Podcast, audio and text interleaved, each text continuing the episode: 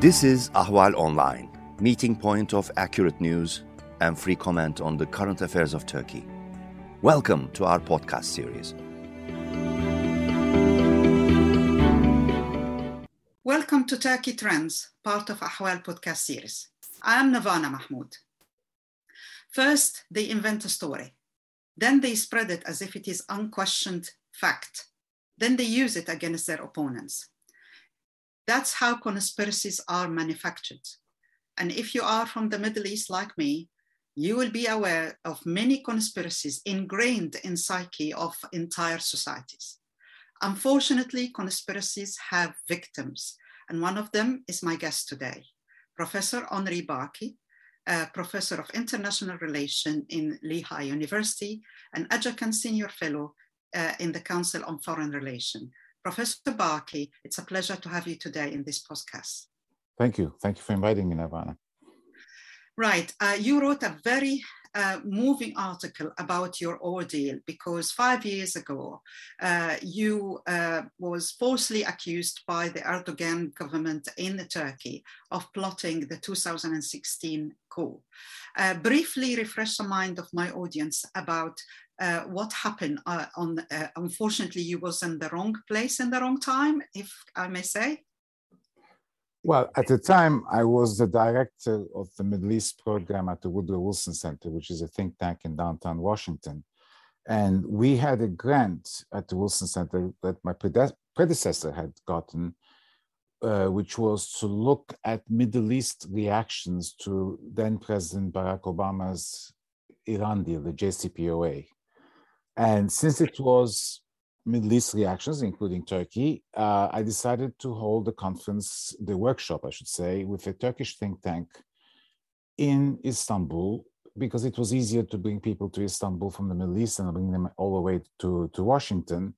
And so that's how we decided to do it with this um, other think tank. And we did it on an island near Istanbul, which is about an hour by ferry. And we arrived, we convened on the 15th of July and the coup happened that night. And our meetings were on Saturday and Sunday, the 16th and the 17th. When it became apparent at two or four o'clock in the morning that the coup had failed, uh, we decided, uh, my colleague from the Turkish think tank and myself, we decided that we would go ahead with the, with the uh, workshop the next day as planned. I mean, we had brought all these people to, to Istanbul, and that's what we did and then it ended on Sunday afternoon.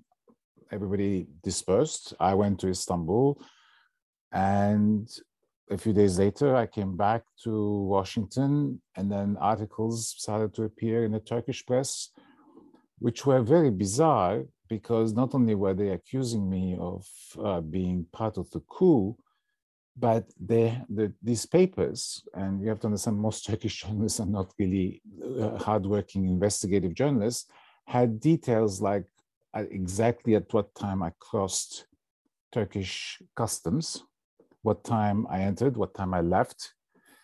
This is details that only a government would have. So the government clearly was inciting the press to write these things. And it started, that's when it started. And then uh, it became very, very, very big. And it served different purposes uh, with time. Yes. So I was going to into that. Uh, first, I mean, it's interesting how they've been clearly following you. Uh, and immediately after a few days, they immediately spread the accusation. It take them it took them no time to right. do that, which right. which question their motive. So, what are their motive from your perspective? So, I mean, look, you, you raise an interesting question, which is um, let me give you, I came to Istanbul Sunday night. Monday night, I had dinner with somebody who we'll talk about later, Osman Kavala. Sorry, I, I, did not have dinner with him. I was having dinner with a friend of mine, and I bumped into Osman Kavala in the restaurant. That was Monday night. Tuesday, I left Turkey to um, come back to Washington. On Thursday, the first article appeared right? So mm-hmm. your point is is a very important one in the sense for that I don't have an answer. How come they managed to so to start this process so quickly? right? The press did not know I was there. I mean, this was not in a public event. So only the government knew. Right. Right. Which bring me to, uh, uh, you know, as I mentioned in my introduction, if you're familiar with conspiracy, they usually look initially for conspiracy material. Uh, and come, Henri Barkey, uh, someone who served in the State Department, uh, correct me if I'm wrong, Yes. uh, you co-authored uh, a book with an ex-CIA. Um, you, you're obviously Jewish. Uh, your wife have worked in uh, in something relate council intelligence. National, National Intelligence Council, which is the think tank of the intelligence community in the United States. Uh, from Middle Eastern perspective, you are spot on, perfect material, like for a conspiracy uh, to add. Uh, clearly, they followed you in Istanbul, and once the Yes. 2016 coup happened, it triggered all the desire to look for for uh, someone to blame, I suppose. But why Yes. you think is it the American link, or just because unfortunately you bumped into Osman Kavala, who is a guy absolutely hated by Erdogan? No, I, I. Osman Kavala comes into the picture mm, later, uh, almost maybe a, couple, a year and a half later. Right. Um, so let me just say one thing.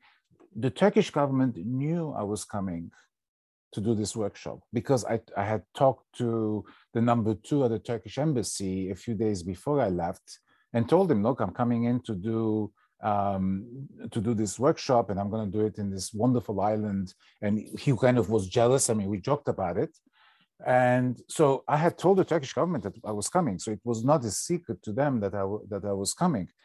I think they decided to use me um, for the reasons you mentioned uh, as a link to the United States because they wanted to to blame the U.S. government for the coup, right? So how to do it? They, they were look. They were also angry at the U.S. government because the U.S. government took its time to kind of condemn the coup. It didn't do it, it automatically. I mean, that's what the, the Turks keep saying that that they were very upset at that. Um, but it is always convenient in Turkey to blame the United States for just about everything. I mean, if the weather is bad, it's the United States' fault, right? If fires in, in southwestern Turkey, it's the United States' fault.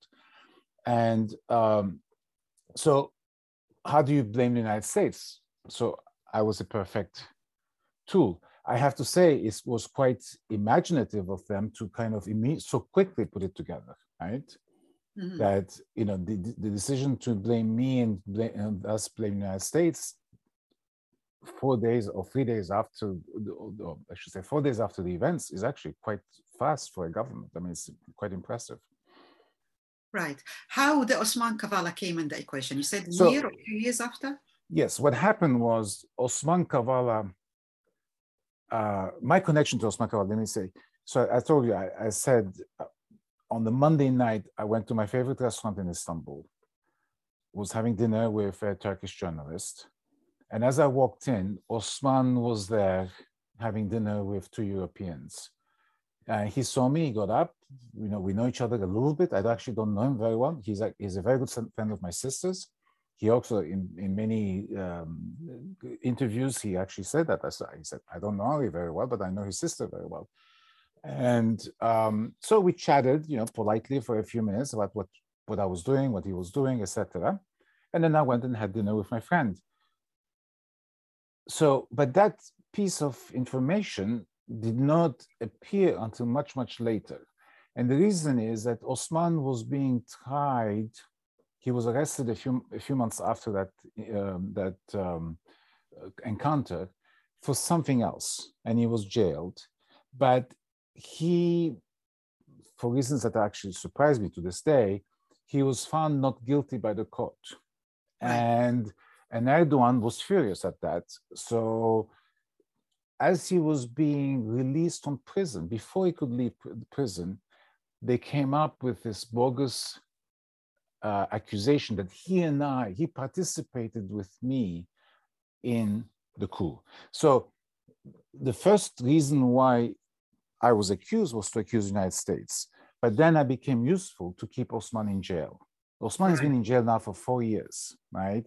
And Right. most of the indictment now is about actually the indictment is about really his participation in the coup.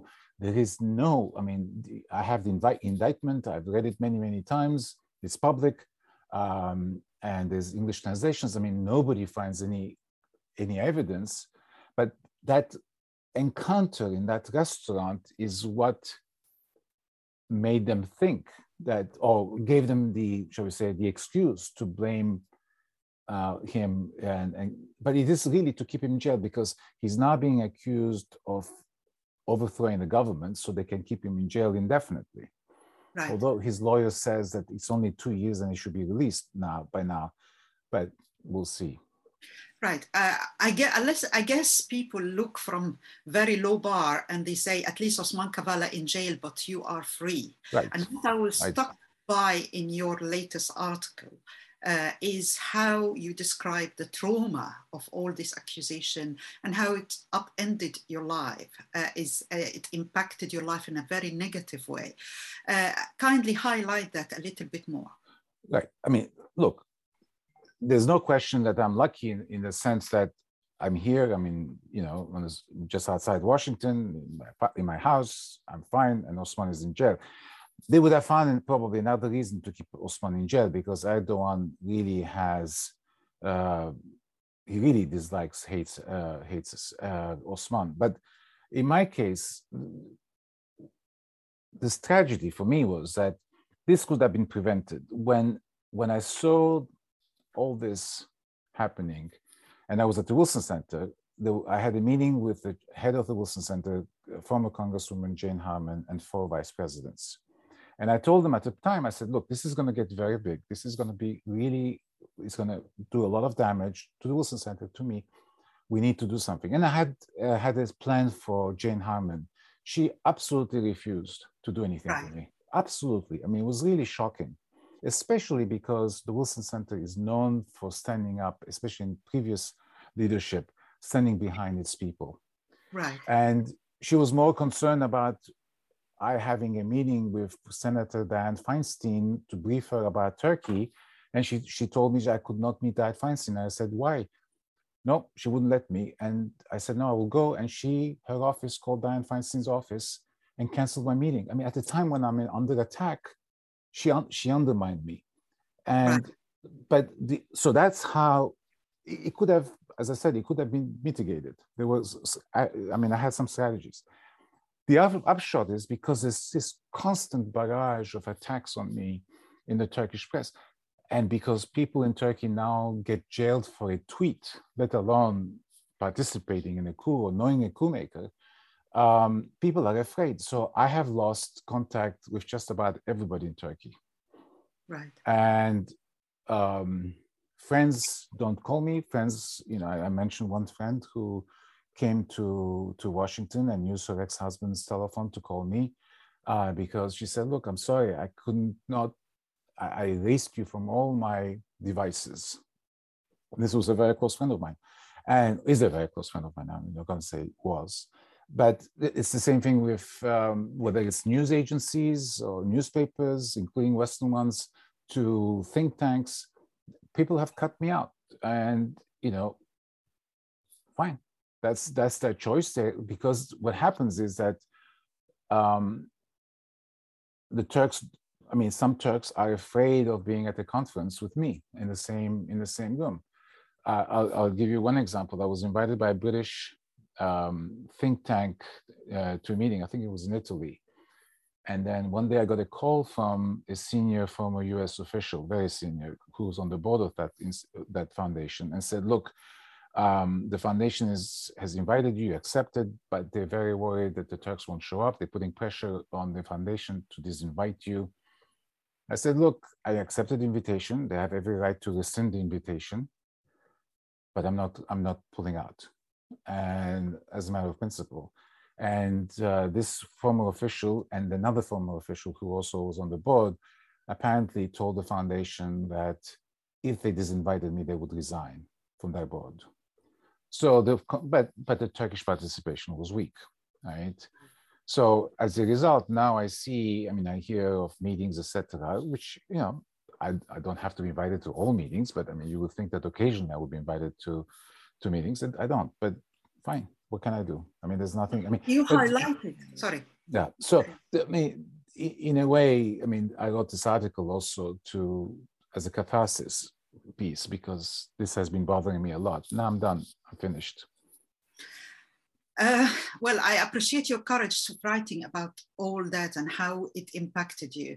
You raised very two important points. Number one, how conspiracy should have been confronted, and how, because of lack of confrontation, how it become a, a huge bubble that it's very difficult to contain.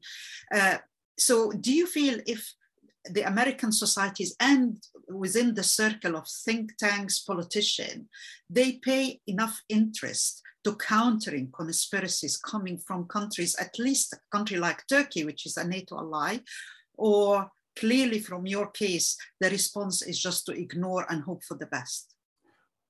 Look, uh, I mean, to, not that my case is necessarily analogous to what's happening in the United States, but we are seeing it now in, in with what happened with the elections in the United States, I mean, people want to shut their eyes and hope that things will go away, or if or if they close their eyes, that somehow miraculously things this, these conspiracies are going to go away. And the truth is, conspiracies um, do not go away because they tend to develop roots and, and feet, if you want. From my experience, what I can tell you is that when I look at the Turkish press, um, even sometimes people who are opposed to the um, Erdogan government have gotten used to refer to me as a CIA agent or a CIA uh, advisor or something like that. Um, they've they you know the language, the conspiracy language, eventually permeates everything. So then you become a tool, you know, some, somebody wants to accuse somebody else or insult somebody else, they use me. I'll give you one example. One of the deputy MP, deputy chiefs of the Turkish parliament on, on the ruling AKP party, the other day attacked the main opposition leader, Mr. Kılıçdaroğlu. And how did he attack him? And it be, this became, you know, went viral. Um, he said, well, the night of the coup, there were two people drinking coffee one was you, Mr. Kılıçdaroğlu, and the other was Osman Kavala''s friend Henri Barkey. Wow. Right? And the other thing you will see occasionally, there will be whole columns written to, on me by, uh, by journalists who ascribe to me not just the coup, but the, the something called the Great Middle East Plan that apparently I concocted uh, with um, my uh, co-author uh, the book was on the Kurds, but uh, Graham Fuller. But you know, they make up things, but everybody now assume that this is correct, and you see it on Twitter. I mean, I get continuously attacks, and and people say, you know, how, how dare you say you, you were not uh, the coup? We know that. I mean, give you an example. Everybody says that Osman Kavala and I talked for 93 hours, 93 and a half hours on the phone. Wow. Okay right? I mean, I joked at one point, I don't talk to my wife that long, but um, but so how do they say that? In the indictment, the, the prosecutors admit that they have absolutely no proof of direct contact between Osman and me. They can't find it, right? But our phones were in the same vicinity in, town of Istanbul, in the core of Istanbul, which may house 5 million people, but the cell towers picked up the, uh, the fact that my phone was, let's say, location A, and three miles away, uh, Osman's one was on this at the same time, right? So that's proof that we talked. But they say that they don't have a record of the talk, of the conversation. But this 93 and a half hours is now taken as the absolute truth, right? And everybody says, you know, you, you say you, you and Osman didn't talk, but you talked for 93 and a half hours, right? How, how can you dispute that? I mean, at this stage, you can't. So the point, that's why I say, you know, and as you also mentioned, that you, when you have conspiracies, you have to, absolutely have to confront them immediately. Otherwise, they, they become institutionalized. Right. Uh, you not you mentioned that a lot of think tanks and meeting you are not invited for and i i i i'm I surmising i mean i mean you know I, I, hear about them and i you know exactly. But in this podcast uh, it will be a pleasure uh, to hear your perspective about the current state of affair between the united states and turkey. Uh, a lot of people talk about the tendency to comp- compartmentalize uh, the relationship and put the difference on one side and the common ground on one side. But uh, forgive me for seeing that I hardly see any common ground these days. How do you see things? Well, the common ground is really uh, an instrumentalist approach. I mean, let me put it this way. Turkey is a member of NATO. Turkey and States have had a very, very long relationship. And Turkish, uh, sorry, American politicians, American uh, government leaders have always had this tendency of saying, look, Turkey is far too important for us to lose. So there's been a tendency of allowing the Turks to get away with, with a great deal. And let's face it, Turkey, if you look at, uh, at the map of the world, I mean, is one of the few countries that has a geopolitical location that is worth a million times uh, its weight in gold, so to say right? Turkey is critical for Americans, American strategy. So there's been a tendency in America, especially uh, in, in government circles, of saying, look, Turkey is too important. We have to work with the Turks. And, and therefore, and, and the Turks have gotten used to that. They know that they can, can get away with things. But for the first time now, uh, between Erdogan's increasing authoritarianism and his decision uh, to not to fight ISIS in 2014 and refusing to help the Americans in 2014 kind of turned and shifted um, the American, shall we say, certainly congressional and certain governmental uh, positions. Then came the S-400 when the when the Turks bought the S-400 anti-aircraft missile system from the Russians, despite the fact that NATO and United States vociferously said, please don't do it. It will endanger our new aircraft, the F-35, to which you're, you're part of the consortium that builds it. And Erdogan went ahead and bought them anyway. I think Erdogan was thinking that, oh, look, in the past, yes, they object and then and then they they give in to us. This time it was a, a step far, too far for the Americans, and they kicked the, the Turks from the F-35 program. And there really is now a very different mood in Washington in terms of uh, the approach to, Tur to, Turkey. And you will see that uh, President Biden has, is going to convene a, a, a, meeting of democracies around the world next month. Uh, it's going to be virtual, but uh, lots of countries have been invited. Turkey has not been invited. And this, you know, is a slap at Turkey because Turkey has stopped being really a democracy. Uh, um, no, there are countries that are a lot worse than Turkey. You, can, you will say yes, but then they, they, too have not been invited. But for the Turks, as a NATO member, as a member of the Western alliance for this long, this is a real slap in, in, in the face. So you, in that sense, you're right. The common, much of the commonality between Turkey and the United States has disappeared. But Turkey's geostrategic position still remains a very vital component of American strategy. And the trick for the Americans is how to figure out a way to work with the Turks while also opposing what they do. And, and how do you see Afghanistan into this? because uh, yesterday it was announced that Qatar will look after the, uh, the American interest in Afghanistan. And a lot of people were expecting Turkey to do that uh, it didn't happen. They trusted, they clearly trust the Qataris more than the Turk. Uh, and the security of Kabul airport is, is uh, I can't hear anything about it anymore. Uh, how do you see, do you see Afghanistan as a potential or even that is gone? Well, I think the word you used was very critical, trust. And I think between the Qataris and the Turks, the Americans clearly did not trust the Turks, right? I mean, in some sense, it makes sense. I mean, Qatar is a very small country. Qatar, you know, is it's easier for the United States to deal with Qatar. The Turks have different interests. I mean, the Turks have interests in Afghanistan that go beyond, shall we say, what US the US needs in terms of uh, as a protective power over the American interests there. So there is a conflict of maybe the Americans thought that there was a conflict of interest between what the Turks are seeking to do in, in, in Afghanistan, which is in their own, I mean, they have their own national interests when it comes to Afghanistan. I mean, there are many reasons why the Turks have to be involved in Afghanistan for their own sake. But Qatar is different. I mean, Qatar has little, shall we say, in terms of direct interest in um, in Afghanistan. And also, by the way, the Qataris have been the people who have helped the Americans in terms of extricating Afghans who were working with the United States. Uh, a whole variety of, I mean, from from um, people close to America to students, etc.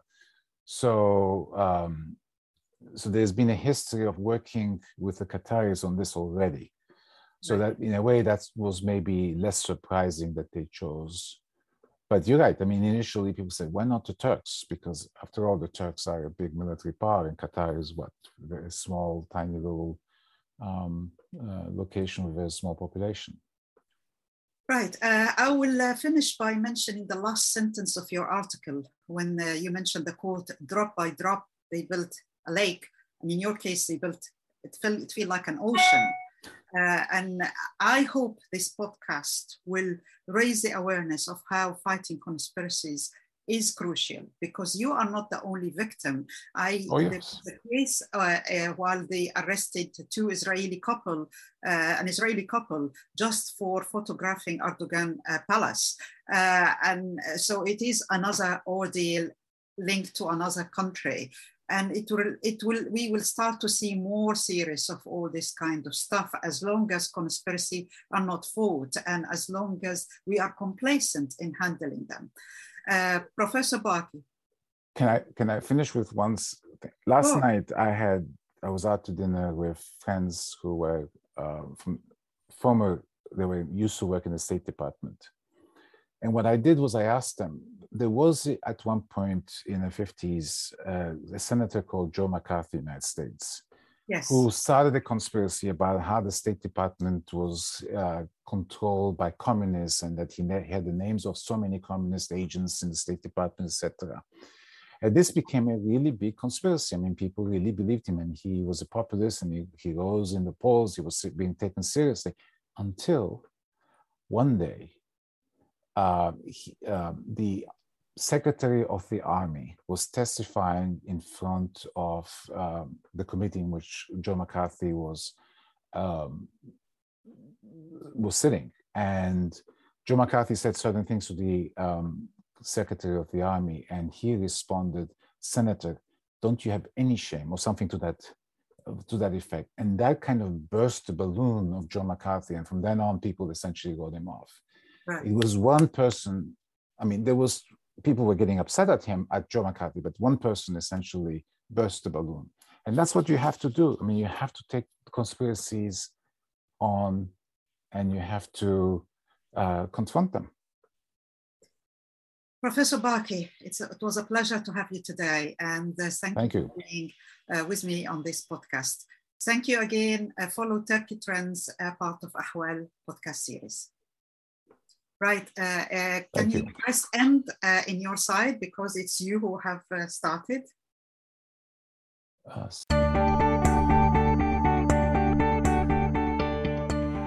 You can follow Ahval News Online podcast series through Apple Podcasts, Spotify, YouTube, Google Podcasts, SoundCloud, and Spreaker.